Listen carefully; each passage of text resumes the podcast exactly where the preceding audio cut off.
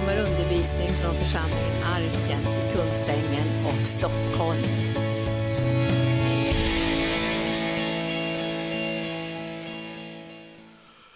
Halleluja. Välkommen helige Ande att göra orden levande för oss den här kvällen. Vi ber att du ska tala till oss, var och en personligt, enskilt, att du ska uppenbara din vilja för oss så att vi ser vad som är din väg och vad som är din, dina löften och, och dina, dina kallelser och dina uppdrag som du har gett till oss. Du vill använda våra liv, det vet vi Herre, och vi, du, vi vill också bli använda av dig. Och vi ber Herre att du ska vara så tydlig så att vi förstår eh, just det där eh, att det här kommer ifrån dig och det här talar till oss så att vi kan ta stegen så att vi kan eh, låta oss brukas av dig och förhärliga ditt namn. Vi överlåter oss här till dig helige Ande och vi ber att eh, Herrens ord ska verka i våra liv och väcka en levande verksam tro. I Jesu namn och församlingen sa Halleluja. Och tack och lov, det är, jag på säga, det är ännu ett år eh, som har gått eh, liksom till ända nästan. Och vi ska tala lite grann om det där med vad, eh, eh, vad det är man tänker på också när man just tittar tillbaka alltså, och hur man liksom bedömer vad man har varit med om och eh, lite grann hur, hur Herren har tänkt att vi ska liksom klara av det som vi har varit med om på ett sånt sätt att eh, vi får en, en, en, en liksom tydligare bild om vad som är vår framtid och vad som är vårt levande hopp. Därför Herren har ju liksom hela tiden i, i planen med att vi ska komma liksom vidare in i hans vilja, att vi ska kunna bli redskap för att hans vilja ska ske här på jorden, att alltså hans rike ska utbredas. Han är inte här för att hålla på att tänka, sätta käppar i hjulet för oss, göra livet svårt. Liksom. Han håller på att bygga en hinderbana som inte en enda människa klarar av att ta sig igenom. Och, och eh, det är liksom bara, allting bara hopplöst liksom. och man bara rusar in den ena väggen efter efter den andra och sådär. Och man tänker ja det här, så här är det, det ska bara uppenbara att jag klarar inte av någonting. Men tillsammans med Gud så kan vi faktiskt klara allting. Och det finns ingenting som behöver skrämma oss när vi vet vad han har sagt och vad han förmår och vad han vill göra för oss. Och det finns ingenting heller som skrämmer den som känner att den har upptäckt att den är älskad utav Gud. Då slutar man upp liksom med det här att vara rädd för allt möjligt. För det finns, annars världen är full av saker som skulle kunna skrämma en från vettet men det, det är liksom ändå så att tillsammans med Herren så hamnar det på en helt annan dimension. Och när jag bara säger de där orden så kommer jag plötsligt att tänka på när jag fick ett riktigt skrattanfall i ett, i ett tältmöte. Något så fruktansvärt skrattanfall eh, så jag bara skrek. Och det var det att jag stod där liksom i det här tältmötet eh, och hade gått fram för förbön och, det, och jag hade massa behov och det var massa brist och det var massa svårigheter och, och, och, eh, och förföljelser och eländes, eländes, elände. Och jag stod där i sågspånen där och, liksom, och tänkte, gode Gud, liksom, hur ska det här gå? Det kommer aldrig gå. Jag var liksom riktigt dyster och negativ och sådär. Och, och så när jag stod där så här, så plötsligt så, eh, så, såg jag Eh, hur, hur Gud som på något sätt reste sig upp ur sågspånen. liksom. Och samtidigt som han reste sig upp Eh, så var det någon annan som var på väg åt andra hållet, nämligen djävulen som hade varit så ruskigt stor med alla sina negativa gärningar och omöjligheter. Han åkte ihop som en liksom, som, som det var, rop bara, så försvann han ner. Och, och, jag, och när jag tittade ner tänkte jag, vad tog han vägen? Alltså, djävulen då, då liksom, vart tog han vägen då? Det var ju liksom han som hade överskuggat allting. Alla hans negativa tankar, alla hans negativa attityder, alla hans katastroflarm och allt det här. Liksom, allt det här bara, whoops, försvann ner bland sågspånen. Och, och, så, och så tänkte jag, Gud, och så djävulen. Och då vet ni, då brast det för mig. Så då skrek jag liksom av skratt.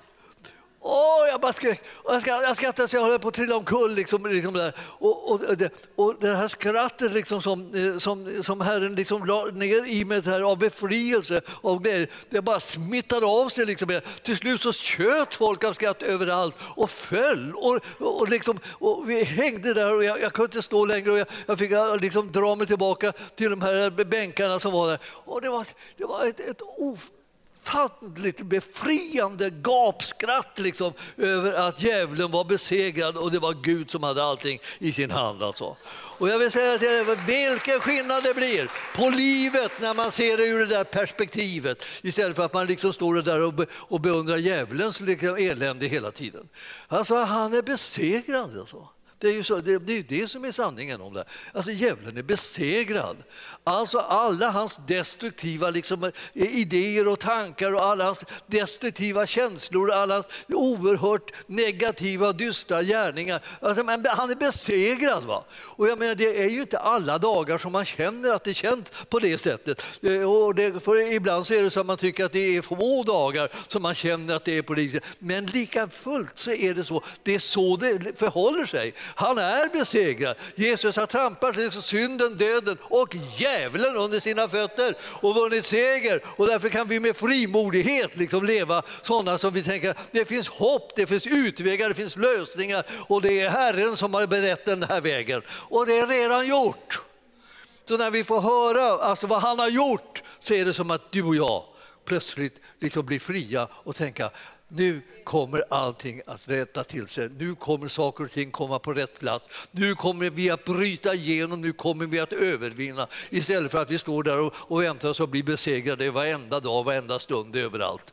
Så fort vi tittar åt ena hållet eller det andra så är det bara liksom nederlag. Allt över. Det är inte sanningen. Sanningen är att Jesus han har vunnit en fullkomlig seger på Golgata kors och han har inte gjort alla djävulens gärningar och alla snaror och allt det här som har liksom snärjt dig och mig livet, jag säga, de har bara klippts av. Och så är vi lösta och fria. Och vi, vi, kan, vi kan skratta oss lyckliga över att det är det, är det som är läget. Och därför så då blir det saker och ting som inte längre blir farliga. Och jag, jag, jag känner ibland så här, det, det är farligt, nu ska vi, vi ska säga fina och snälla ord och vi ska bara säga om, tala om positiva ting och sådär. Men alltså, det är inget farligt att tala om negativa saker egentligen heller, bara man sätter igång och parar ihop det med honom som har vunnit segern.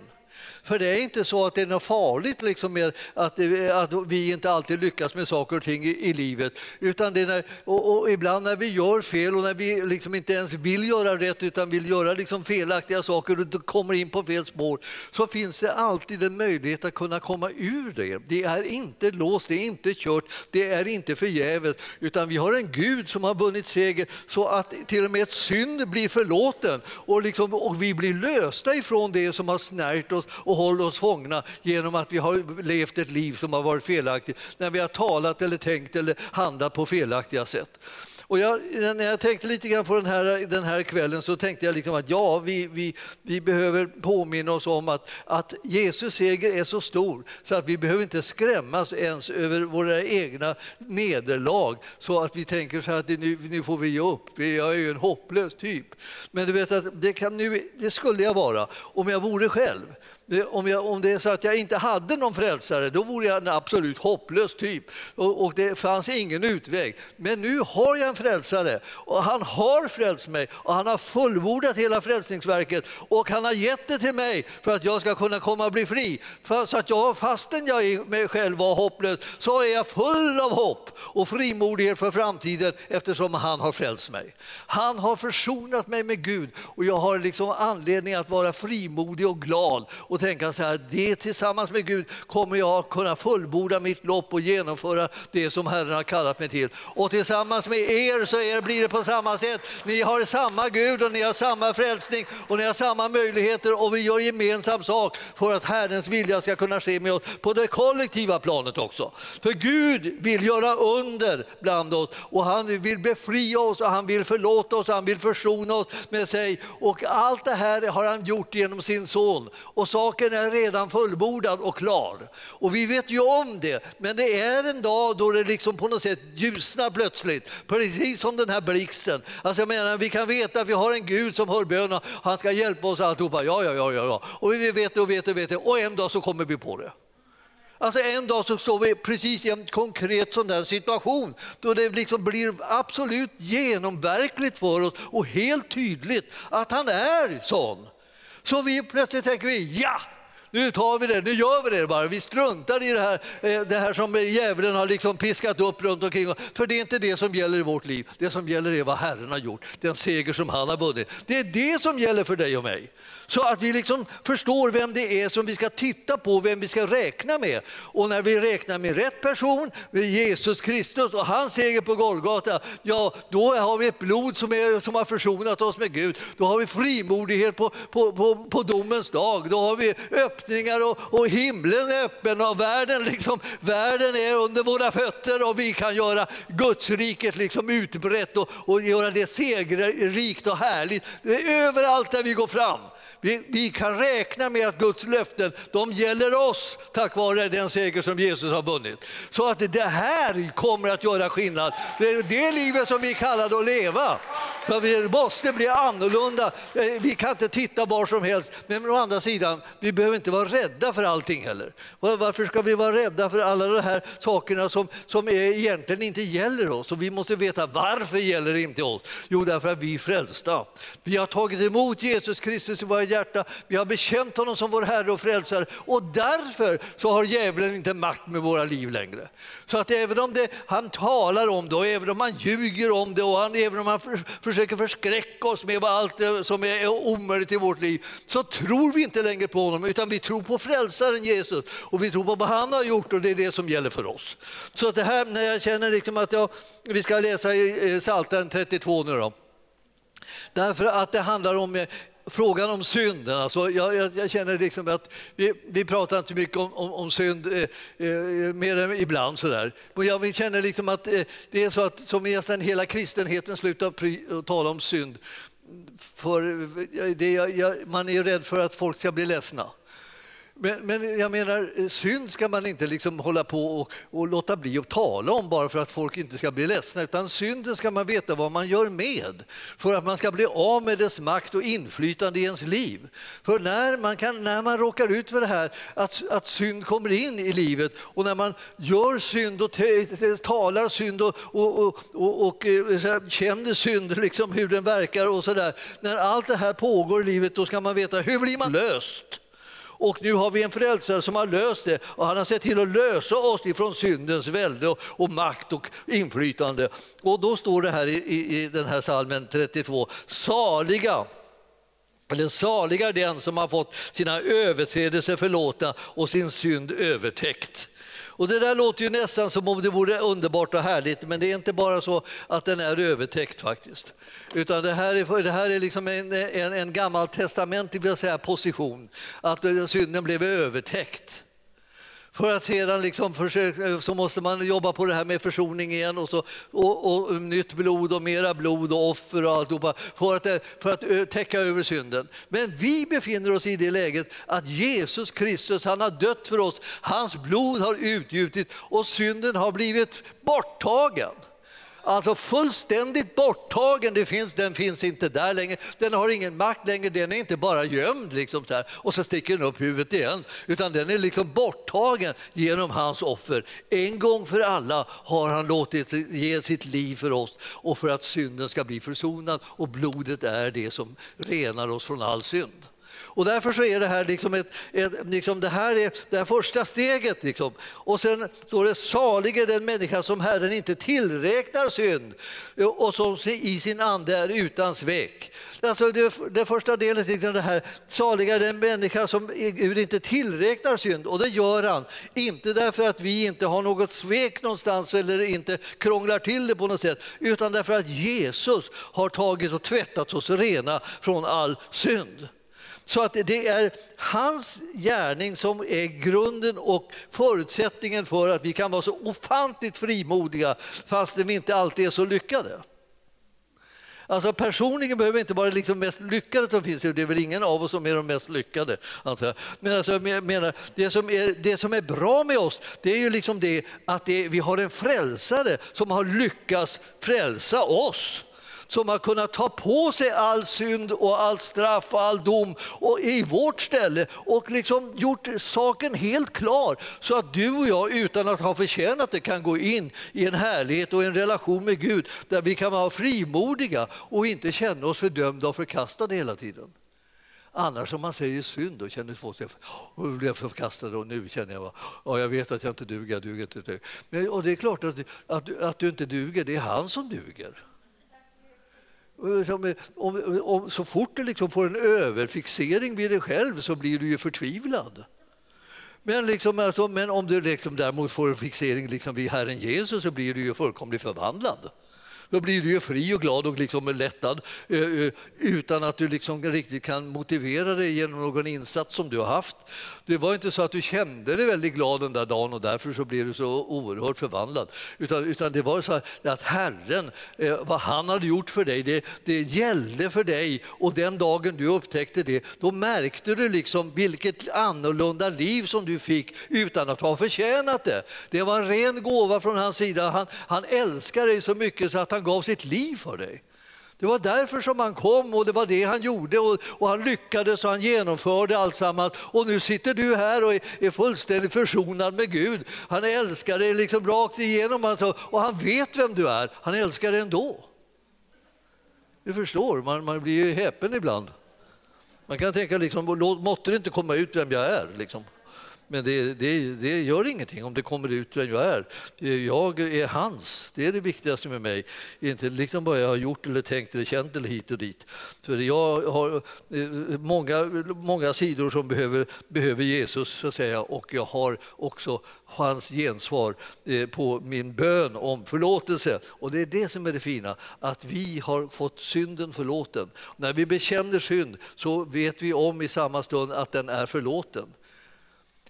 Förlåt mig mina synder. När jag säger den saken till Herren och när du säger det så är, säger du inte det som en fråga. Kan du göra det? För att det, så får vi se vad han svarar. Om han möjligen säger ja eller om han säger nej. Eller inte du. Har du tänkt på vad du har ställt till med? Det, det är inte det, utan det är det här att när jag säger förlåt mig mina synder, då, då säger jag det till honom som redan har lovat att förlåta mig. Han som redan har betalat priset för synden. Han som inte har någon synd som han, som han skulle behöva utkräva straff för i ditt liv, för det är redan gjort i hans liv. Vi är de som är försonade med Gud. Alltså det, vi, är, vi, är ett, vi är ett egendomligt läkte. Och då står det så här, och, så, och det är det här. Om, vi, om vi är rädda för att liksom bekänna synd så är vi fullständigt oinformerade. Alltså, vi ska inte vara rädda för det eftersom synden redan är försonad. Utan vi ska vara noga med att bekänna synden så slipper du råka ut för det här som annars kommer in i ditt liv. Och det här som kommer in i ditt liv här, det kommer av att du inte vet om hur det är.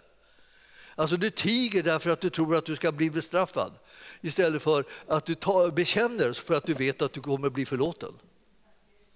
Alltså, tig inte, bekänn, så blir du förlåten. Och när du blir förlåten då får du en medvetenhet om att det här är... Du var redan förlåten men du får en medvetenhet av det. Det här är en medvetenhet som gör att du kan börja leva ett annat liv än det där livet i fruktan. För Herren vill inte att du ska leva något liv som är bara präglat av fruktan. Han vill lösa dig från fruktan och det gör han genom att han talar till dig så att du kan få tro på att du är försonad med Gud. Då kommer du kunna bekänna synd utan att liksom vara nervös. Så tredje versen ser du i 32.3 där i Psaltaren. Där står det, så länge jag teg så förtvinade mina ben vid min ständiga klagan. Jag fick en, alltså en annan typ av livsstil klagade och knotade liksom, eh, eh, och klagade över mig själv och över mitt liv och klagade över liksom vad alla andra gjorde mot mig och hur de behandlade mig och hit och dit. Jag klagade liksom, allting var liksom negativt och, och, och nedbrytande och, och, och hopplöst. Och, och, dag och natt, står det, så var din hand tung över mig och min livskraft försvann som av sommarhetta. Alltså det var, min upplevelse med Gud var liksom att det var ett otroligt tryck över mig då, som inte dög på en enda punkt. Och jag bara knotade över det och jag klagade över att Gud liksom pressade mig och anklagade mig och, höll på. Och, så, och då, då står det så här, då uppenbarade jag min synd för dig och jag dolde inte min missgärning. Och jag sa, jag vill bekänna mina överträdelser för Herren. Då förlät du mig min syndaskuld. Tjopp! Liksom, kan man säga. Plötsligt bara, så lättade alltihopa. Jag hittade vägen som jag skulle gå på. Jag hittade sättet som jag skulle förhålla mig till det här med synd. Synd ska man inte liksom förneka, liksom, synd ska man bekänna. Man ska inte, man ska inte hitta på massa synder, för liksom, men om man vet om dem, och, och det Herrens ande brukar göra en uppmärksam på det, då bekänner man synden och så blir det uppenbart att Herren förlåter synd och allt sammans är redan undanröjt genom den död som han har dött i ditt ställe. Och Det här gör alltså att, att det här är lösningen. Du börjar lära dig hur gör jag när jag ser min egen brist eller misslyckande eller, eller, eller min egen syndaktighet i olika situationer. Hur gör jag då? Jag bekänner synden. Och jag vänder mig till honom som har betalat priset för synden och som har löst mig. Och han löser mig. Och jag ser det. Och jag förstår att jag är fri. Och när jag förstår att jag är fri, då får jag en, ett liv så att säga, där jag kan leva utan fruktan i alla mina livsdagar. Jag kan börja leva som att jag inte går omkring och är rädd att jag ska, någon ska komma på mig med att jag inte håller måttet. Det är redan uppenbart och det är redan avklarat. Jesus har dött i mitt ställe, saken är redan försonad.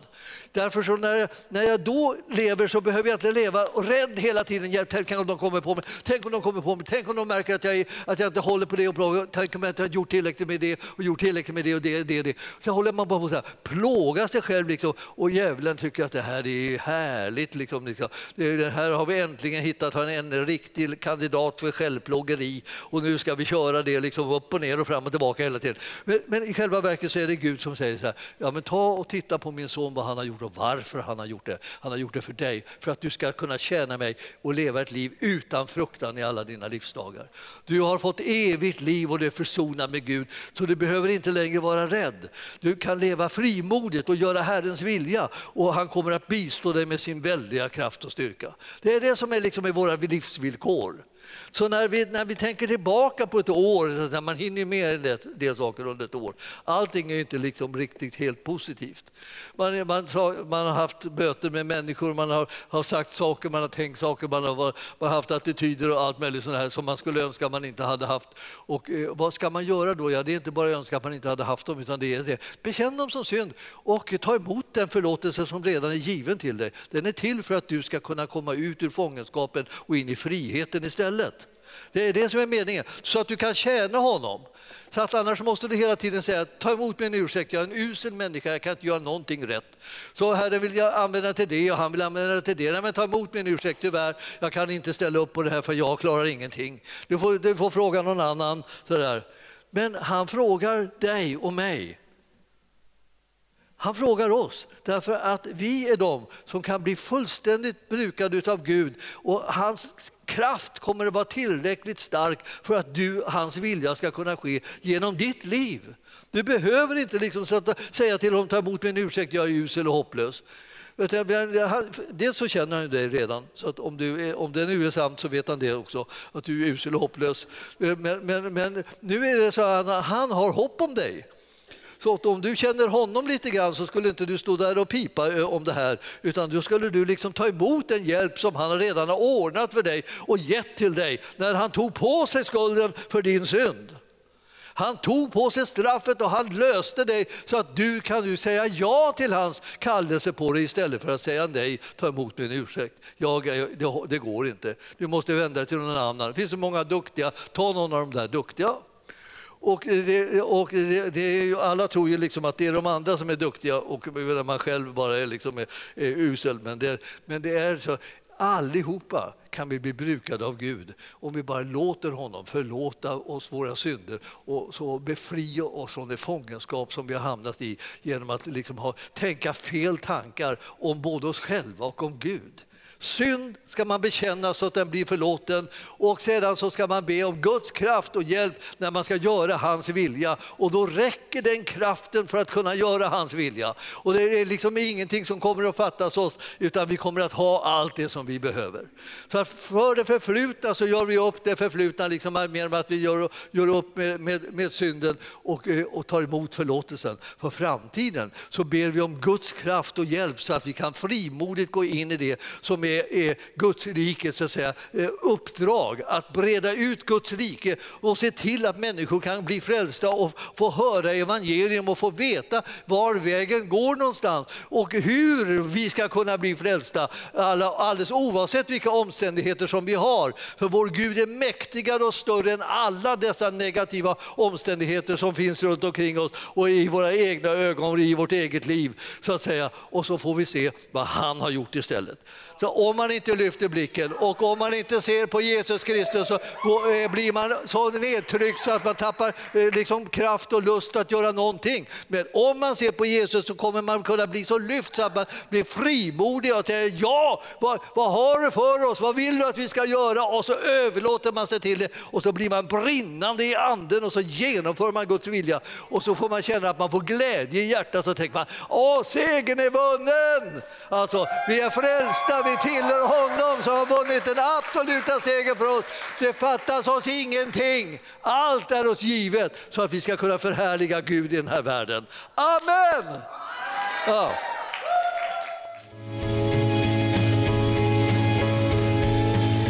Tack för att du har lyssnat. Vill du få del av mer information om församlingen Arken, vår helande tjänst, bibelskola och övriga arbete, gå in på www.arken.org.